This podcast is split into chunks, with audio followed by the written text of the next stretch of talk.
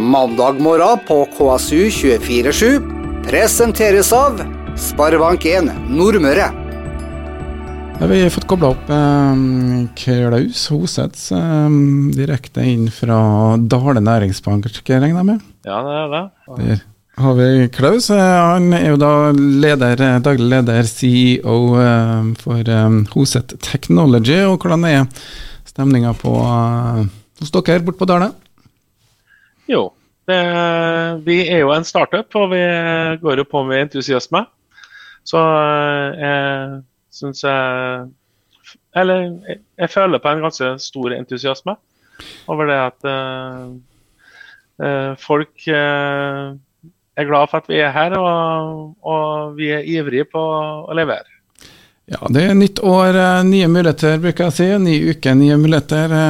Det vel litt sånn for dere også. Hvordan føler starten har vært på det året her? Jo, det har i grunnen vært ganske greit. Så det er mye, eh, For min del så er det mye sene eh, kvelder pga. at eh, mye av markedet vårt er eksport. Så da blir dagene litt utvida for å kompensere for det at jorda er rund. Ja, det er jo et internasjonalt marked man lever i, men bare sånn for oss eh, og dem som kanskje ikke helt kjenner til Hoset Technology, kan ikke du fortelle oss kort eh, hva dere holder på med? Jo, altså eh, Hoset Technology vi leverer utstyr til hovedsakelig til lakseslakteri, men også noe håndteringsutstyr for håndtering av levende fisk i forskjellige typer operasjoner. Um, vi eh, kjøpte jo opp eh, boet til konkursen i Stranda Prolog. Og eh, vi har jo mye av de samme produktene her, selv om måten vi jobber på nå er litt annerledes enn når det var i Stranda Prolog.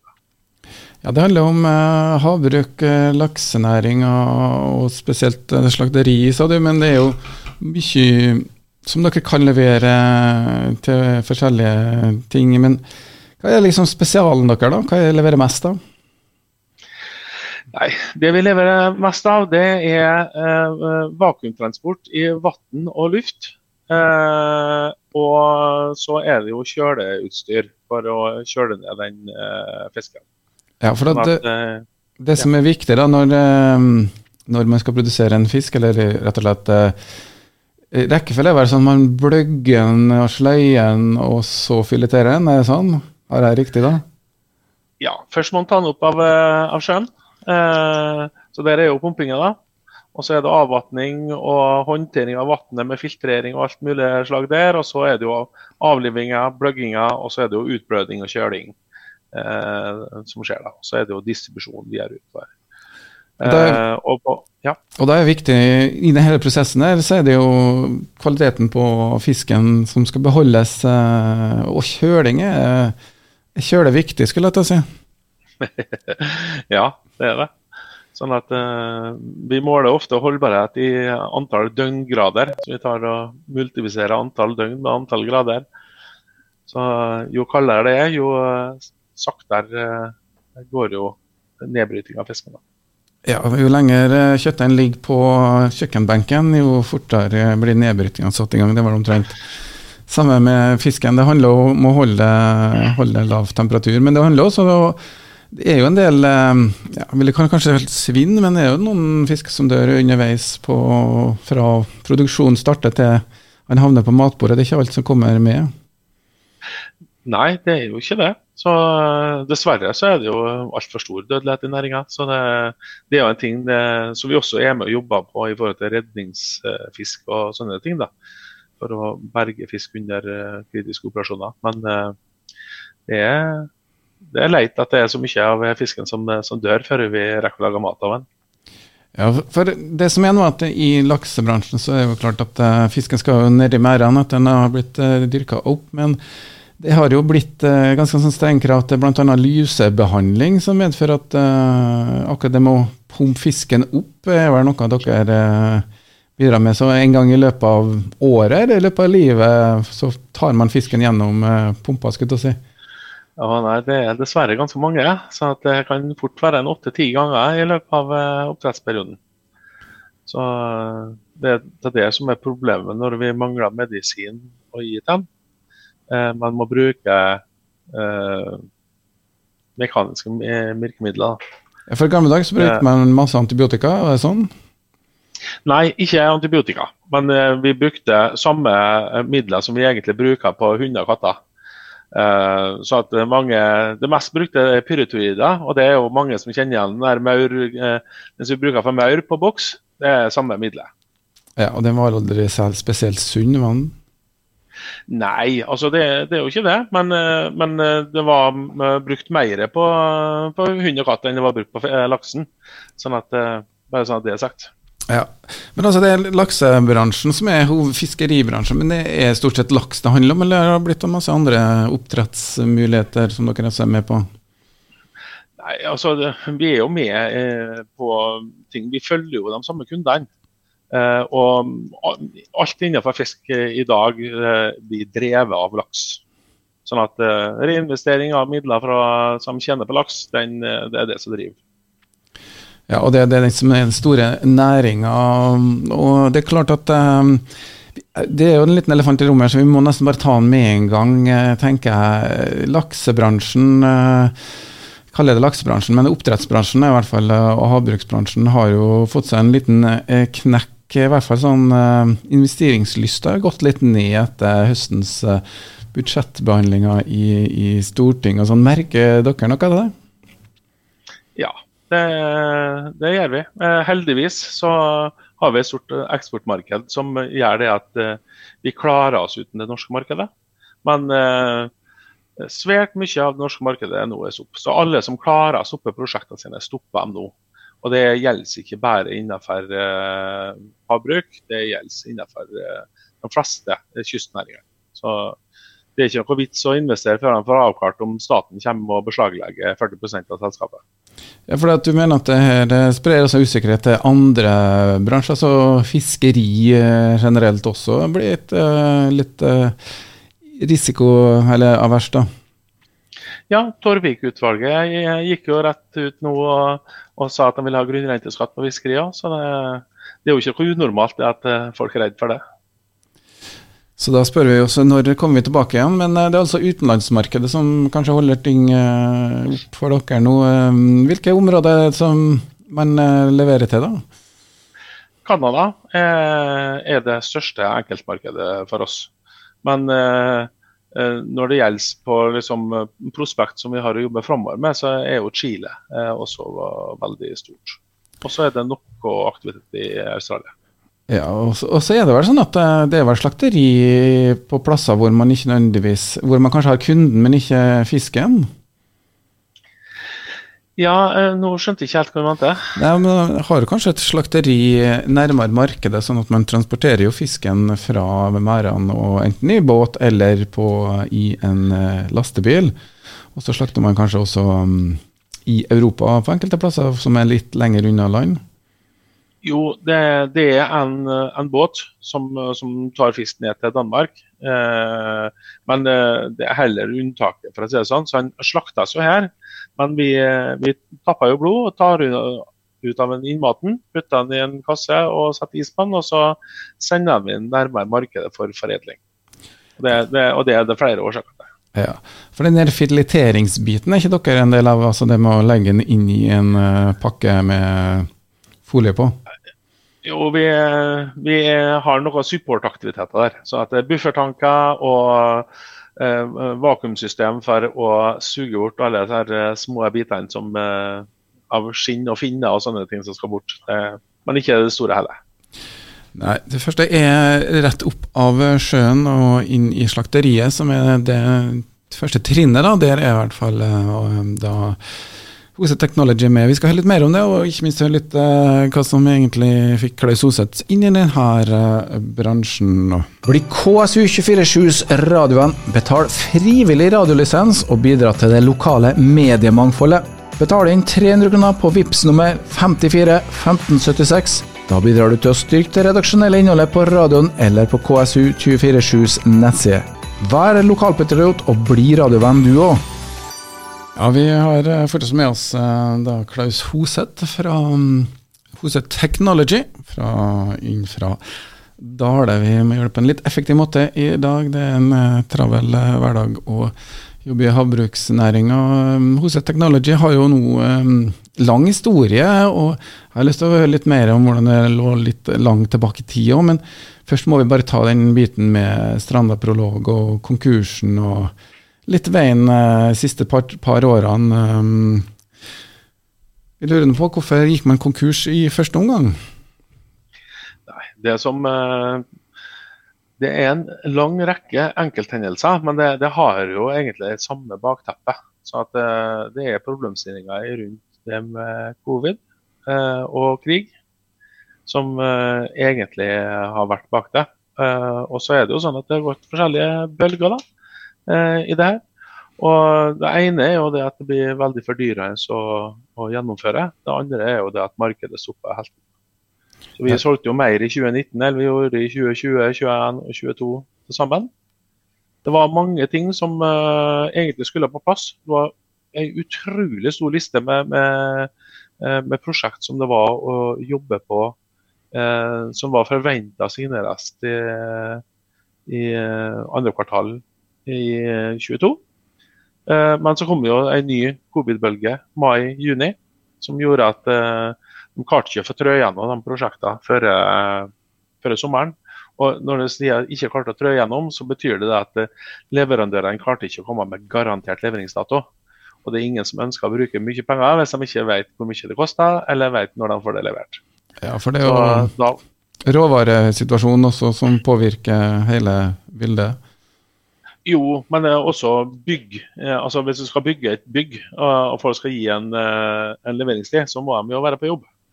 Eh, og hvis de er hjemme og er syke og har covid, så er de ikke det. Nei, og Dere har jo hatt en del, da, en del innleie også som ikke fikk lov til å komme hit en gang i forbindelse med covid. Det med, var vel med å gjøre det vanskelig også, eller er det riktig? Ja, det, det er jo det. Så det er altså, er jo, ingen er jo vant til å jobbe med covid. Eh, landet vet ikke hvordan de skal drive landet, og vi vet ikke hvordan vi skal drive bedriften vår. Så det, sånn, sånn, er det. Det var ikke planlagt for det. Men de, de greide å på en måte Fikk, redd, fikk litt uh, lyd fra radionyhetene, men det skal vi ikke på. Altså, De greide å, å, å, på en måte finne ut en måte å ta det her videre på, da, for å, å fyrkjøpe konkursboet. Det er helt annet selskap som kommer ut av um, det her uh, nå. Hva er liksom ja. forskjellen i måten de driver på? Nei, altså Måten vi driver på nå, så er det jo det at mer av produksjonen vil jo skje eh, utenlands. Og det, det, har jo delvis med det som regjeringa legger opp til. De ønsker jo ikke produksjon i den grad i Norge på basis av innleid arbeidskraft. Um, så da må vi heller kjøpe inn produksjon fra, fra utlandet. Da. Altså om at uh, En sveiser som kunne komme hit og jobbe, han uh, får ikke lov å jobbe eller i like stor grad, og så må dere da et annet sted og kjøpe det ferdig sveisa produktet. Er det en kort versjon? Det er kortversjonen. Eh, det, det, er jo sånn at eh, du, eh, Vi er jo en tariffbedrift, så vi kan jo gjøre en avtale med klubben om, om det å leie inn. Så det, det, er jo ikke stengt for det. Men ved en eventuell konflikt, da, enten sentralt hold eller annet, så kan det komme, bli det brukt som et streikevåpen. Der de tillitsvalgte får beskjed fra sentralt om det at nå må de si nei til alle innleie. Uh, og det, det, blir et veldig uregulert streikevåpen som, uh, som uh, næringslivet nok er ganske redd for. Det er en del av det å drive produksjonsbedrift, men det er også det at når dere holder på med disse anbudene Det tar lang tid fra dere liksom leverer et tilbud, eller fra de skal levere et anbud til det faktisk kan være en kontrakt på bånd? Ja, det er ofte flere år, faktisk. Eh, og på de store prosjektene så er det gjerne to år med jobbing for å få på plass en kontrakt. Og så tar det kanskje to år eh, å få den levert. Det, det var det som var litt av problemet med gode kontrakter som skrevet i 2019, eh, som var fantastisk gode da. Det ikke ble så gode i 2021 når det skulle leveres. da. Så lang tid, rett og slett, eh, for å få, få kontrakten i land. Men det, det er ikke noe penger Du får ikke noe penger for å skrive et anbud? Ikke for å skrive anbudet, nei. Nei. Så eh, Det er først når det er signert at eh, pengene begynner å, å bevege på seg. Og Det er jo ganske sikkert uh, sterk konkurranse i deres uh, marked. Hvordan er konkurransesituasjonen? Jo, det, du kan si at på de fleste områder så er det to eller flere aktører. Uh, men uh, Eh, men selv om det er utrolig mange aktører, så er det også mange nisjer. da. Så at eh, Det er ulike nettverk av eh, leverandører som leverer og samarbeider. Og så er det jo konkurransetype nettverk. da. Det er jo, det er få som, eller det er jo ingen som kan levere en hel fabrikk. Men det er noen store aktører der som stiller med kanskje litt større muskler enn dere? Det er ikke en stor aktør i denne bransjen?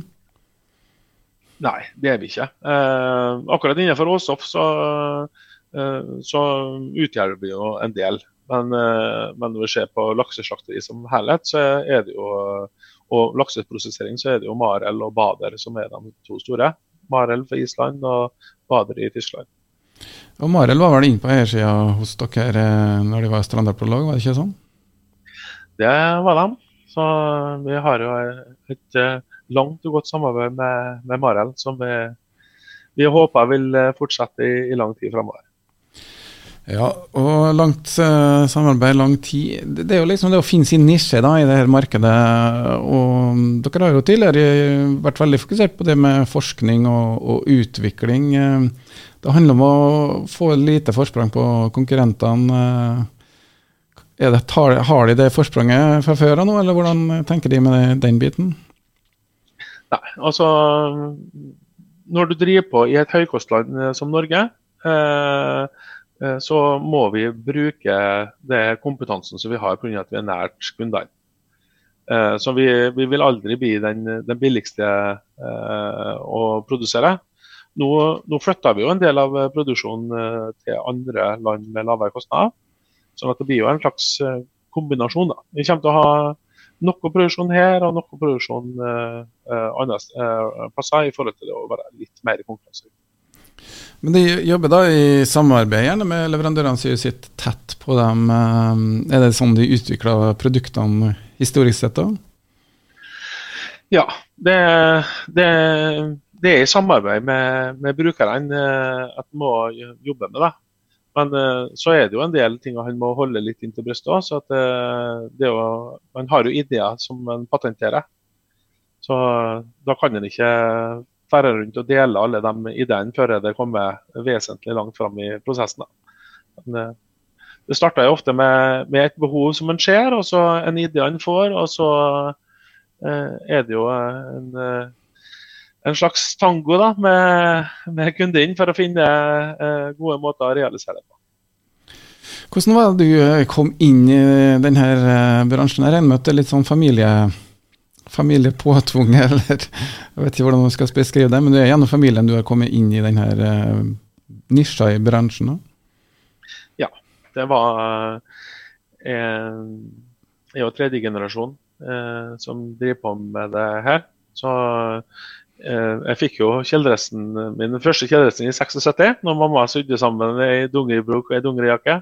Og jeg har jo gått og gjort alle forskjellige ting fra det å uh, trille spon til å uh, sveise til å gjøre alt mulig rart egentlig i næringa her. Uh, men det som jeg jobba mest med i de senere åra, er det med salg og utvikling av konsepter sammen med kunder. Ja, og Det, det starta jo på Averøy. Dette her eh, kan ikke ta oss tilbake. Hvor var vi igjen? Kan vi ta hele historien, eller i hvert fall det vi Hovedlinjene? Ja. ja, nei, det, det starta jo nedi ei stø, i ei steinrøys eh, midt mellom to brødre brød som ikke var helt eh, superenige. Eh, så fikk en bestefar en liten plass til å jobbe med en liten smie. da. Så begynte jeg jo under krigen med litt vindmøller og litt sånn forskjellig. Eh, og så etter krigen så ble det jo mer og mer eh, fokus opp imot den seiindustrien eh, som var på, på Averøya. Averøya hadde 25 seimottak tok imot eh, bortimot 1000 tonn for døgnet i, i, på pikk. Uh, og de hadde behov for en god del maskiner. Første patentet var i 49, da en uh, oppfant en maskin for å skrape rister av sei og, og hus. Skrape rister? Eller rest? Ja, fiskesjeler. Fiskesjeler, Fiskeskjellene, ja. Og så etter hvert så ble de mot Når tenkte liksom laksenæringa skulle være noe, da? Nei, altså seinæringa eh, kollapsa jo eh, på sitt og vis på, utover 60-tallet, begynnelsen på 70-tallet. Og eh, ble jo da konvertert til ei laksenæring. Sånn at det var grønntvettene på, på Hitra som uh, eh var eh, leda an et, et slags kooperativ eller samling med 70 aktører Uh, som, uh, som utvikla egentlig den næringa.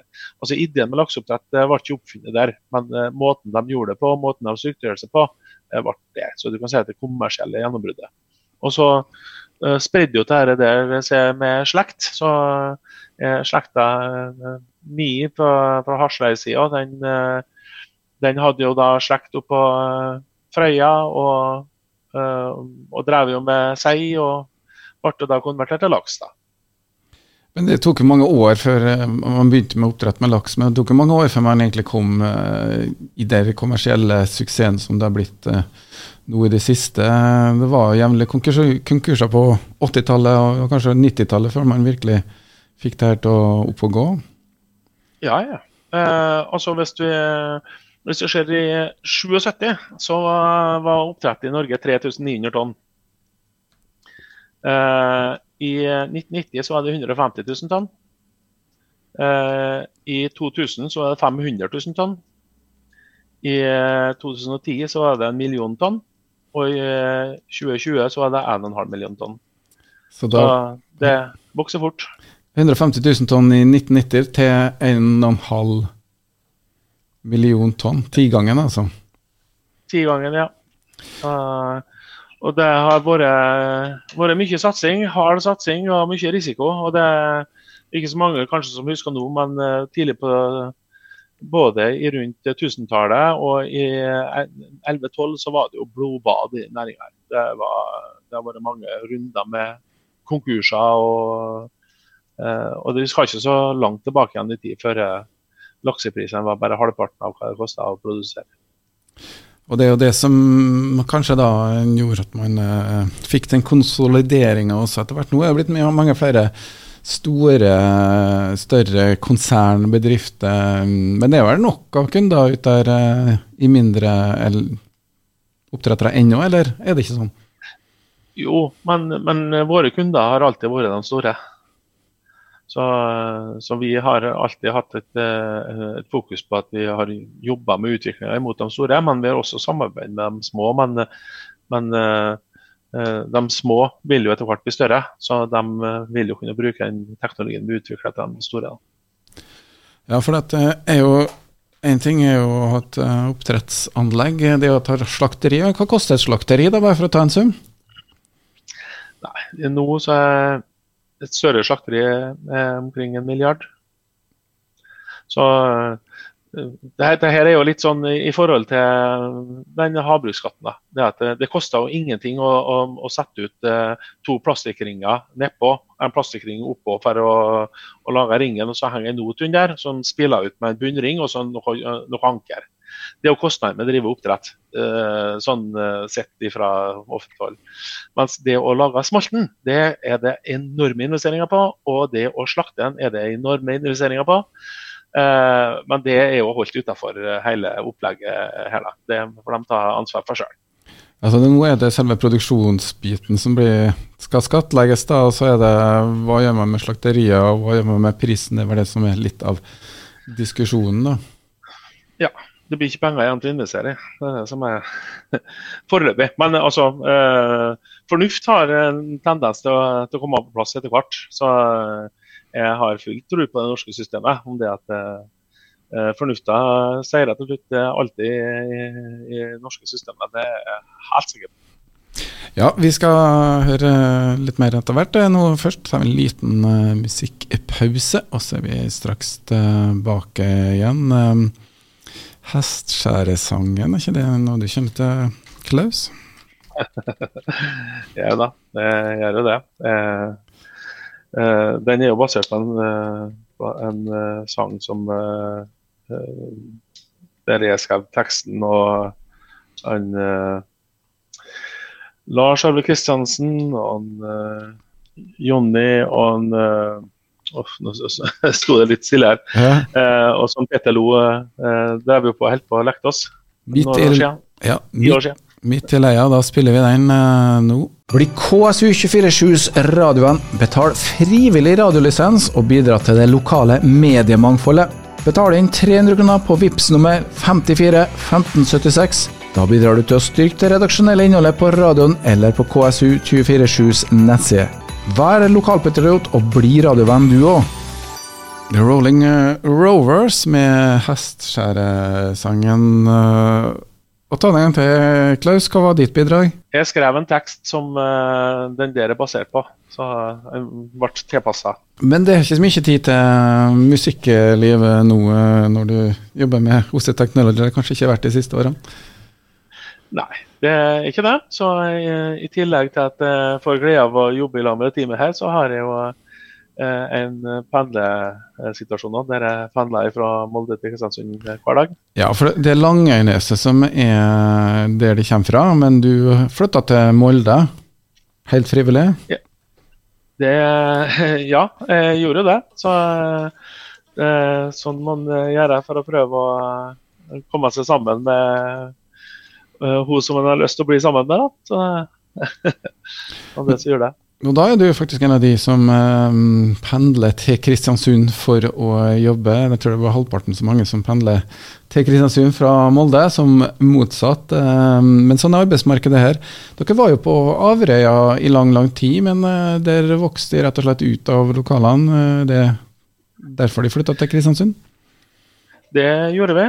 Så vi vi hadde jo slitt ganske mange år med å ikke få lov å utvide. Det har jo vært mange sånne små klatrekrattutvidelser der, men, uh, men, det var ikke egentlig rom til å få planlegge langsiktig. Så når oljekrisa kom i Kristiansund, så så vi muligheter, og så satsa vi. og det, ja, alle sammen var vel klar over det at det var relativt risikabel satsing. Og, men vi, det gikk jo fryktelig bra, eh, egentlig helt eh, fram til det covid. da. Men eh, vi var vel ikke helt eh, solide nok til å håndtere en sånn situasjon. Ja, var, hvor mange var dere ansatt på Averøya når dere flytta derfra, og hvor mange ble de etter hvert her i Kristiansund? Nei, Vi var 35 eh, der, og på peak her i Kristiansund så var vi vel 120 eh, pluss innleide. Og 35 var det omtrent der de er nå, ikke ja, vi bekvarer vel 40 nå, da. Så det, men uh, i det leiet, ja. Mm. Og da blir det kanskje, i og med at produksjonen ikke nødvendigvis skjer så mye her, kanskje ikke blir så mange flere? Eller hvordan er utsikten fremover? Ja, altså det uh, du kan si at uh, vi legger I Stråne på låg så hadde vi en strategi som, som ga én ansatt per 2,2 millioner i omsetning. eller noe sånt. Eh, nå har vi en struktur som er sånn, i ca. en eh, ansatt per tre. Og så etter hvert så Strukturen der vil vel endre seg til at det vil bli drøye fire millioner i, omsetning per hode eh, når vi har fått stabilisert oss litt i overkant av det. Litt eh, mer per hode, så skal det ikke, skal det ikke være så arbeidsintensiv eh, for i forhold til omsetninga. Du, jo, du pendler jo fra Molde og, og, til Kristiansund. Eh, det skjer jo sikkert byene eh, Det er jo en felles arbeidsmarkedsregion, det her. og Hvordan er det å drive virksomhet i her områdene? Ja, eh, jeg syns Kristiansund er utrolig godt uh, miljø. Jeg, jeg, kjenner faktisk ikke så godt til næringslivet i, i Molde. Jeg er jo på en og annen møte med, med, folk og i litt sånne samlinger, men i Kristiansund syns jeg at det er fantastisk bra.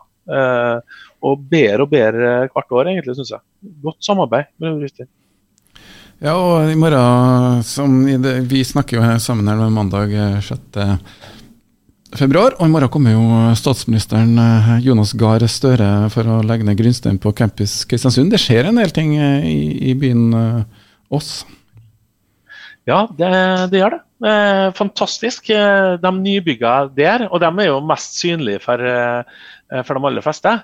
Men vi har jo en fantastisk oppbygging her i Dalesund òg. Så det i tillegg til den aktiviteten vi har. Så Abyss har jo en uh, aktivitet, og de har jo en avleggersett for Oshin som, uh, som vokser som en rakett. Og uh, nå får vi jo et samboerskap med Flaskesundet her òg.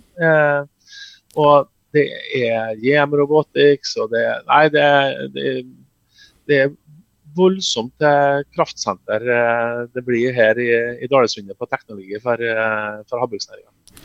Ja, og du nevnte jo sjøl også, det var jo på en måte litt nedturen i oljebransjen, eller oljeservicebransjen som brakte denne eh, muligheten. Det er ingen som snakker om det nå.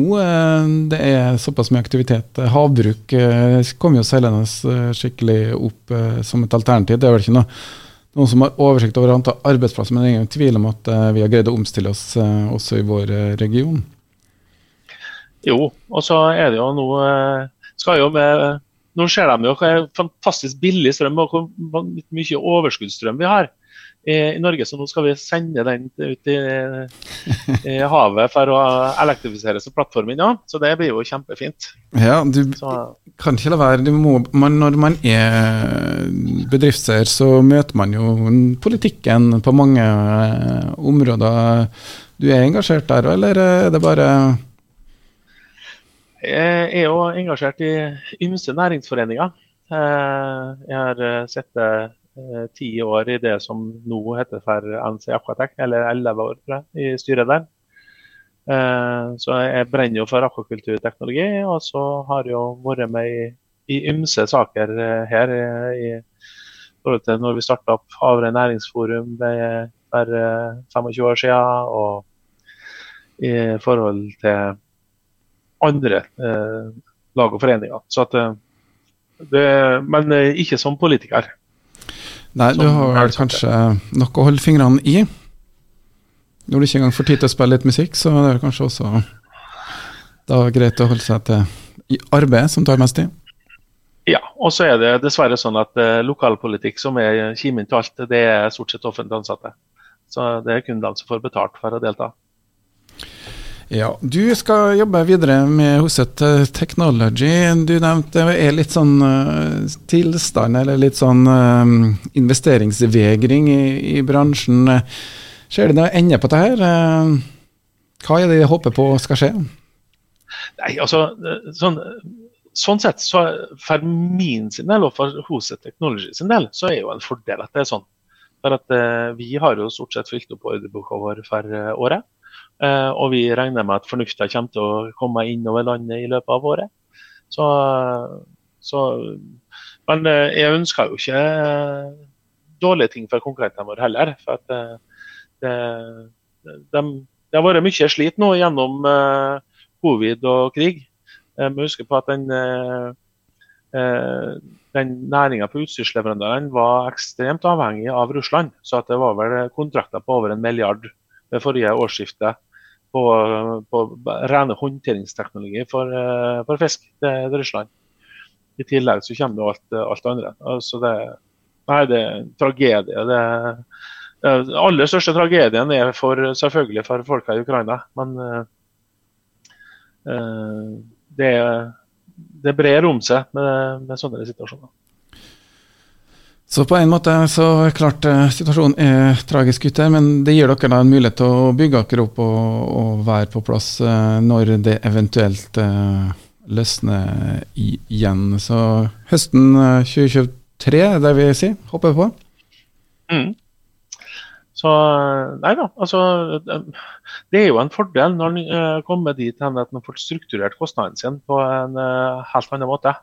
Så Det er krevende tid, og for vår sin del å ha dimensjonert kostnaden til den tida her, det er, det er jo selvfølgelig en kjempefordel. Skal si tusen takk til Klaus Hoseth. Mandag morgen på KSU 247 presenteres av Sparebank1 Nordmøre.